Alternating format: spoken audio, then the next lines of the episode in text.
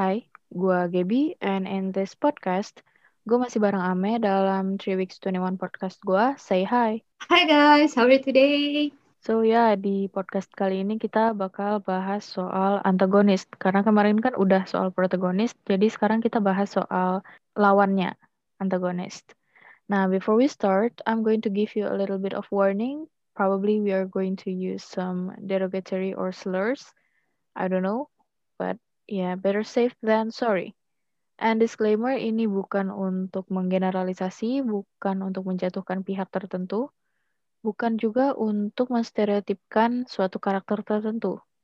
So, ya, yeah, kita langsung mulai aja sekarang. Nah, kalian pasti udah sering banget lah dengar soal protagonis dan antagonis. Antagonis sendiri itu dari bahasa Yunani juga, yaitu antagonistes, atau literally means opponent, villain, kompetitor, atau kayak enemy, rival, musuh, kayak gitu-gitu. Nah, kenapa ada antanya di depan itu untuk anti alias against or something. Jadi dari situ aja kita udah tahu kan kayak lawan dari main character. Nah, balik lagi. Kalau misalnya protagonis kemarin kan itu nggak semuanya baik. Nah, ini juga berlaku untuk antagonis. Antagonis itu walaupun sering banget dipotret kayak yang buruk-buruk, ibu tiri lah, uh, rival bener-bener segala macam. Dan walaupun namanya juga soal musuh, villain dan segala macam, antagonis itu nggak selalu bad guy. Antagonis itu nggak selalu buruk, nggak selalu jahat. Nah, antagonis juga punya beberapa jenis di dalam karya fiksi, karya sastra, segala macam. Kayak biasa, Ame, silahkan tolong jelaskan. Oke okay, guys, jadi kalau ngomongin soal antagonis, yang pasti adalah mereka adalah sesuatu atau orang yang menciptakan konflik. Jadi jenis-jenis antagonis itu ada empat. Yang pertama ada villains, yang kedua conflict creators atau yang menciptakan konflik, yang ketiga adalah inanimate force atau sesuatu atau kondisi yang tidak bergerak atau sesuatu yang tidak terhindarkan. Yang keempat adalah the protagonist themselves atau bahkan protagonis itu juga menciptakan konflik bagi dirinya sendiri. Jadi uh, antagonistik itu tidak selalu sesuatu atau seseorang kayak gitu ya. Pertama gue jelasin soal villains. Pasti udah sering orang dengarnya. Villains itu adalah the bad guy dari sebuah cerita. Mereka adalah musuh, mereka adalah orang yang jahat, mereka adalah yang menentang dari protagonis atau menentang hero atau yang orang-orang yang tidak ingin hero-nya mencapai uh, sebuah tujuan. Mereka jahat aja. Itu itu villains. Nah, yang kedua adalah conflict creators. Uh, conflict creators ini tidak selalu mereka orang jahat. Jadi seseorang di dalam cerita dia menciptakan konflik bagi si protagonis, dia juga sebutannya antagonis. Jadi semua hal yang menciptakan konflik itu antagonis. Jadi nggak harus dia orang jahat, nggak harus dia orang yang punya sifat-sifat kejahatan gitu tuh. Pokoknya siapa pun yang menciptakan konflik, mereka antagonis. Kemudian yang ketiga inanimate force atau sebuah kondisi, hal yang membuat si protagonis tidak dapat mencapai tujuannya, misalnya bencana alam atau misalnya ada kondisi yang menyebabkan si protagonis tidak bisa mencapai goalsnya dia diamputasi atau dia mendapatkan sakit atau dia pokoknya sesuatu yang tidak terelakkan lah bagi si protagonis. Itu juga sebuah antagonis gitu atau yang melawan cerita. Kemudian terakhir the protagonist themselves. Ini paling sering gue pakai juga karena ini adalah salah satu uh, istilahnya kayak konflik batinnya seseorang gitu loh. Jadi dia protagonis yang melawan dirinya sendiri dirinya sendiri gitu loh. Jadi kayak uh, rasa tidak percaya tidak kepercayaan dirinya, fears, terus juga ketakutan-ketakutannya atau dia punya mental health atau kondisi di dalam diri dia yang melawan tujuannya dia kayak gitu itu juga salah salah satunya adalah uh, bentuk dari antagonis karakter atau sesuatu yang melawan cerita. Biasanya tuh antagonis villain itu paling banyak dan paling sering itu ditemukan di kalau nggak di buku anak-anak, di buku superhero, ya kan? Kayak bener-bener yang kelihatan banget deh jahatnya kayak gimana. Kayak udah cerita-cerita yang hitam putihnya tuh kelihatan banget.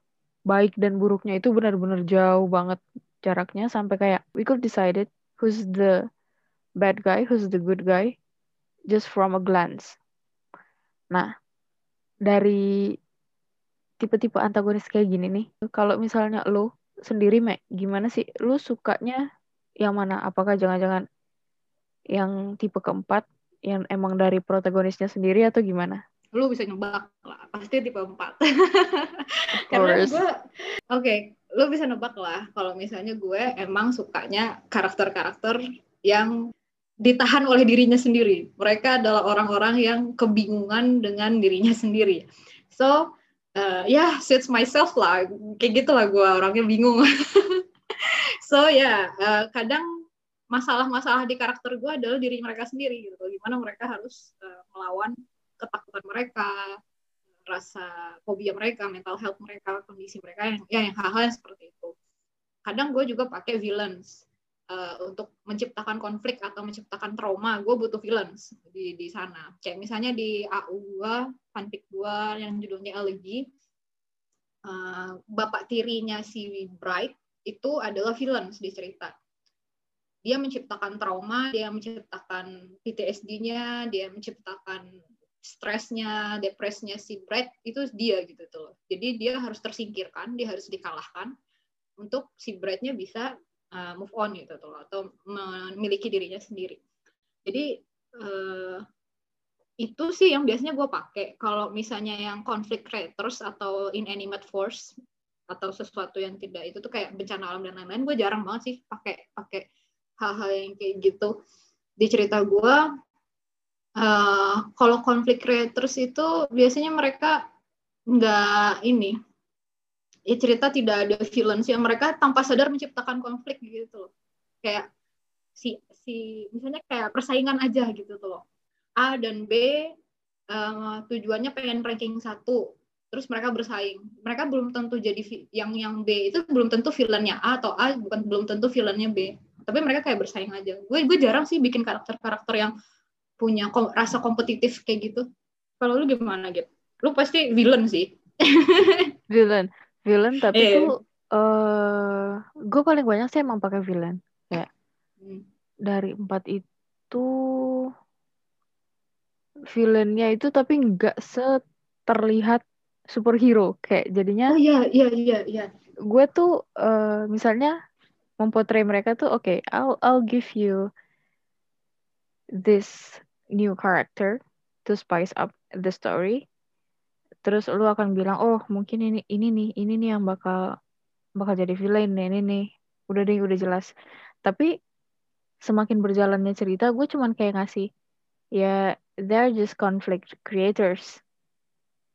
Kayak oh, iya, iya cuma iya, iya. Uh, apa kayak they have good and bad sides so they're gray kayak gue nggak akan bilang benar-benar mereka dirty dan kayak bad guy. Itu enggak cuman kayak ya apa ya orang ini tuh akan melakukan seperti ini. Tapi dia sebenarnya kayak gini. Sifat-sifatnya dia tuh kayak gini. Sifat inilah yang membuat dia kenapa memilih seperti itu dan menciptakan konflik.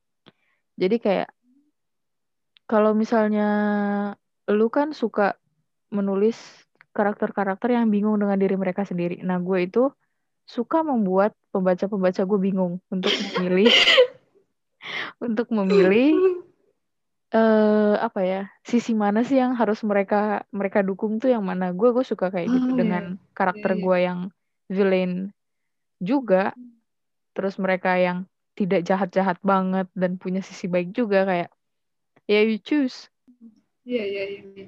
Berarti uh, cerita-cerita lo banyak kayak comforter gitu ya, villain-villain tuh kayak lebih cenderung ke dia ada punya sifat-sifat villain, tapi sesungguhnya status mereka cuma bikin konflik iya, aja gitu. Iya, benar. Jadi kayak benar-benar jahat mm, gitu tuh ya. Kayak cuman ya udah villain tendencies bukan literal bad guys nah kalau itu kan gue literal bad boy gitu ya uh -uh. kayak hmm. kalau gue kan jelas gue membuat seperti ini karena ya balik lagi di dunia nyata lu nggak akan pernah ketemu orang yang 100% jahat 100% baik kalau lu sendiri kenapa sih malah jadi kayak kayaknya mendingan semua problemnya dimulai dari dirinya sendiri deh. Kayak gitu tuh lu ada kepikiran dari mana? Uh, gimana ya? Mungkin ke kayak gigi gue nggak tahu. Mungkin kayak gue bilang uh, karakter di dalam sebuah cerita adalah kadang adalah karakter penulis itu sendiri. Ada namanya writer voice nama istilahnya yeah, yeah. itu writer voice. Nah, writer voice itu adalah uh, idealistik dari masing-masing creator atau sesuatu yang unconsciously mereka bentuk di tulisan mereka gitu tuh. Mungkin itu yang uh, gue rasakan pada karakter-karakter gue, entah itu di villains atau entah itu di protagonis gue gitu tuh. Jadi uh, eh, gue menjadikan protagonis gue sekaligus mereka adalah orang jahat bagi diri mereka sendiri gitu. Karena kadang gue pribadi jadi curcol ya jadinya cuman kadang gue pribadi di diri gue sendiri yang menahan gue untuk berkembang yang menahan gue untuk jadi orang yang lebih baik itu ya kadang diri gue sendiri gitu mm-hmm. ketidakpercayaan diri gue sesuatu yang membuat gue nggak linglung atau sesuatu gue bingung dan lain-lain itu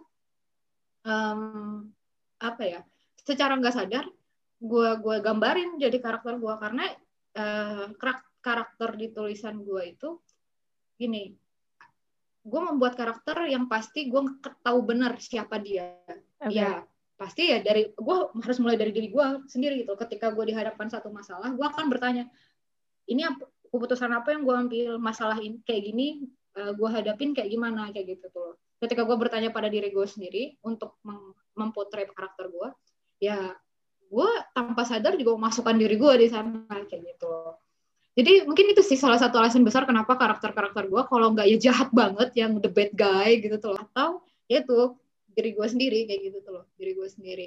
Gue jarang bikin kayak konflik creator. Mungkin karena gue nggak nggak bisa balance karakter gue atau villain gue sendiri kadang gue susah masukin apa ya hal-hal baik di villain gue gitu tuh kayak gue nggak bisa membuat backstory-nya dari villain gue karena setiap setiap villain kayak kalau lu kan bikin villain pasti ada backstory-nya yeah, yang yeah. membuat pembaca lu bingung kan ini gimana? Kok bisa sih mereka kayak gini? Gitu tuh. Nah kalau gue sendiri tuh uh, kalaupun gue punya karakter yang konflik creator atau yang membuat konflik dia ally. Apa sih kayak istilahnya tuh dia uh, yang membantu dari uh, karakter itu sendiri. Misalnya dia ibunya temannya atau kekasihnya dan lain-lain. Mungkin kekasihnya bisa menciptakan konflik tapi dia kan bukan antagonis. Dia punya tidak punya sifat-sifat villain tapi dia oh. menciptakan konflik aja kayak gitu. Kalau gue tuh Lalu gimana tuh suka nyari-nyari apa ya? Why? Why? Um probably because balik lagi gue itu buat cerita tuh biasanya kan konfliknya tuh nggak jarang yang remeh kan kayak se apa ya seenteng-entengnya gue menceritakan itu dalam uh, cerita gue in the end kalau misal lu pikir lagi dan itu dibawakan oleh orang lain sebenarnya that's a really big issues nah terus kenapa gue ngasih villain-villain kayak gitu balik lagi karakteristik orang-orang itu kan beda-beda. Balik lagi ke awal. Di mana gue percaya kalau nggak akan ada orang yang 100% baik, 100% buruk. Semua tuh yin yang. Dan kayak gue misalnya, oh dulu suka pada bilang, ya ini hidup kita berarti ini panggung kita, ini drama kita, ini our play. Jadi kayak lu adalah karakter utamanya, lu adalah protagonis dari hidup lu. Dan ya gue percaya semua orang kayak gitu, jadi kenapa gue selalu membalance villain tendencies sama dalam tanda kutip good guy, karena ya semua orang pasti punya villain tendencies. Semua orang adalah antagonis di cerita orang lain.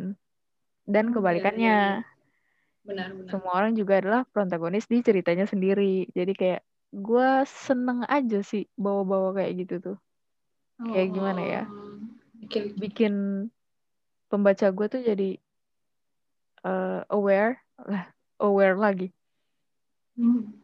lebih aware soal jangan terlalu percaya sama orang kayak kalau Hmm. misalnya dia jahat mungkin ada kemungkinan dia itu sebenarnya nggak kayak gitu ya walaupun ada juga kemungkinan dia lebih buruk sih cuman Hmm. oke okay, we're not going to talk about that tapi ya jangan sa- percaya sama orang 100% lu harus tetap be careful Hmm. kayak gitu sih gue Hmm. Berarti kayak kalau lu pribadi kayak lebih ke menunjukkan sifat-sifat manusia lah di Iya, cerita benar. lu. Karena semua manusia kan tidak putih dan hitam gitu kan ya. Uh-uh. Abu-abu, kadang mereka kebanyakan putih atau kebanyakan hitam, tapi pasti ada sedikit putih, ada sedikit Betul. hitam gitu kan. Oh, hmm, bisa bisa. Soalnya em, apa ya? Mungkin di diri gue sendiri yaitu kalau gue mungkin lebih ke apa ya bagaimana gue memasukkan diri gue sih lebihnya kayak gitu, Mhm. ke cerita gue kalau lu mungkin lebih ke gimana gue uh, menggambarkan dunia ini gitu kan Iya benar. Nah, kondisi sesungguhnya di dunia ini karakter-karakternya kayak gimana? Kalau gue kan ini gue sih pandangan sub- subjektif gue terhadap dunia dari kacamata gue kayak gitu kayak kayaknya yang bisa gue kesimpulkan dari kita berdua gitu gimana cara kita nulis gitu tuh. Kalau gue mungkin bisa nyaranin ke teman-teman penulis lain gitu ya. Kalau mau nulis antagonis uh, bisa pakai caranya Gaby. Tidak semua antagonis harus jahat dan punya karakter jahat. Uh, tidak harus uh, mereka sepanjang cerita jadi jahat terus dan tidak ada karakter developmentnya tuh tidak juga kayak gitu soalnya kalau Gaby kan dia bikin cerita panjang jadi dia punya ruang untuk uh, Membuat karakter ya, development. memberikan ah, membuat karakter developmentnya di villains juga di protagonisnya dia. Kalau gue mungkin karena cerita gue kebanyakan itu eh, apa ya pendek-pendeknya gitu kan. Karena gue belum bisa membangun sebuah konflik yang sangat besar atau sangat panjang. Gue lebih cenderung membuat villain yang yang emang villain aja gitu, villain dan yang itu kon- paling gampang ya konflik pribadinya dia gitu tuh. Gimana dia memecahkan masalahnya dia. Eh, karena konflik-konflik gue yang kayak gue bilang gue like di menciptakan konflik gitu kan ya. Gue nggak terlalu bisa menciptakan konflik. Justru karena gue nggak terlalu bisa menciptakan konflik yang menciptakan itu ya kalau nggak dirinya sendiri ya pasti ya orang yang jahat aja gitu. Ya orang yang jahat aja. Itu sih. Kalian bisa lihat uh, hal-hal seperti itu di tulisan kita berdua Uh, kalian bisa bandingin gimana bentuk villain yang kalian mau yang mau gue saranin manu- manusiakanlah setiap karakter kalian gitu. Kalau lo pengen bikin cerita karakternya menjahat banget gitu. Kayak di cerita gue yang elegy itu, emang karakternya jahat aja, emang bangsat aja bapak tirinya itu. Jadi eh, ya udah lu bikin aja sebangsat bangsatnya manusia tuh gimana sih? Pasti ada sih orang bangsat gitu walaupun eh, agak agak agak, agak sulit dipercaya gitu loh atau lu juga bisa lihat baca di tulisan Gaby gimana Gaby uh, mengembangkan villainnya menjadi tidak villain lagi gitu. Loh hanya villain di suatu konflik aja. Kalau gue bakal ngasih sarannya sih cari villain, cari karakter protagonis atau uh, antagonis sesuai dengan kemampuan kalian nulisnya gimana. Kalau misalnya kalian Yes, lebih mampu yes, untuk yes. mengeksplor uh, diri kalian sendiri dan menuangkan itu ke dalam tulisan, silahkan. Itu jauh lebih bagus. Jadi orang-orang kayak yang masih bingung soal dirinya kayak kenapa ya gue tuh suka kepikiran kayak gini, itu tuh bisa aja menemukan jawabannya di kalian. Kayak akhirnya merasa tidak sendiri, validasi kayak tadi yang Ame bilang. Nah, kalau memang kalian itu cenderung eh, mampunya menulis dari luar, kayak gua, menggambarkan dunia luar, ya buatlah villain yang sesuai dengan cerita kalian. Karena kan kayak setiap cerita itu nggak bisa dipaksakan villainnya mau yang mana. Bisa aja eh untuk kepentingan sebuah cerita, lu harus mengambil villain yang inanimate objects. Dari kayak bencana alam dan segala macam yang benar-benar tidak bisa dikontrol. Nah, untuk cerita-cerita lain mungkin hal-hal kayak gitu tuh justru tidak nyambung dengan topik dengan uh, tujuan ceritanya. Jadi kayak uh, cari dulu yang mana yang mau kalian bawakan. Nanti dipelajari lagi karakter-karakter dan villain-villain protagonis, antagonis, supporting charactersnya itu dipelajari lagi bagaimana untuk mengeksekusinya supaya jangan sampai konsepnya udah bagus, konsepnya udah megah, udah segala macam, tapi karena salah eksekusi, salah langkah, kurang persiapan, kurang mateng, malah ngerusak sebuah konsep megah itu. Dan kayak keluarnya cuman kayak brain farts, yaitu sangat-sangat tidak elit untuk iya, kalian sendiri pun nanti bakal kayak jadi memori yang tidak akan bisa terhapus gitu loh. Gue juga menyarankan sih uh, pentingnya antagonis ini karena banyak penulis-penulis itu uh, mengabaikan karakter antagonis dalam artian mereka meremehkan karakter-karakter ini. Padahal ada antagonis itu adalah karakter yang menciptakan konflik. Uh, jadi gue sangat menyarankan juga buat kalian lebih deep lagi mempelajari tentang membangun karakter antagonis karena konflik yang baik, konflik yang yang bagus gitu tuh adalah konflik yang karakter antagonisnya atau peran-peran antagonisnya itu kuat gitu.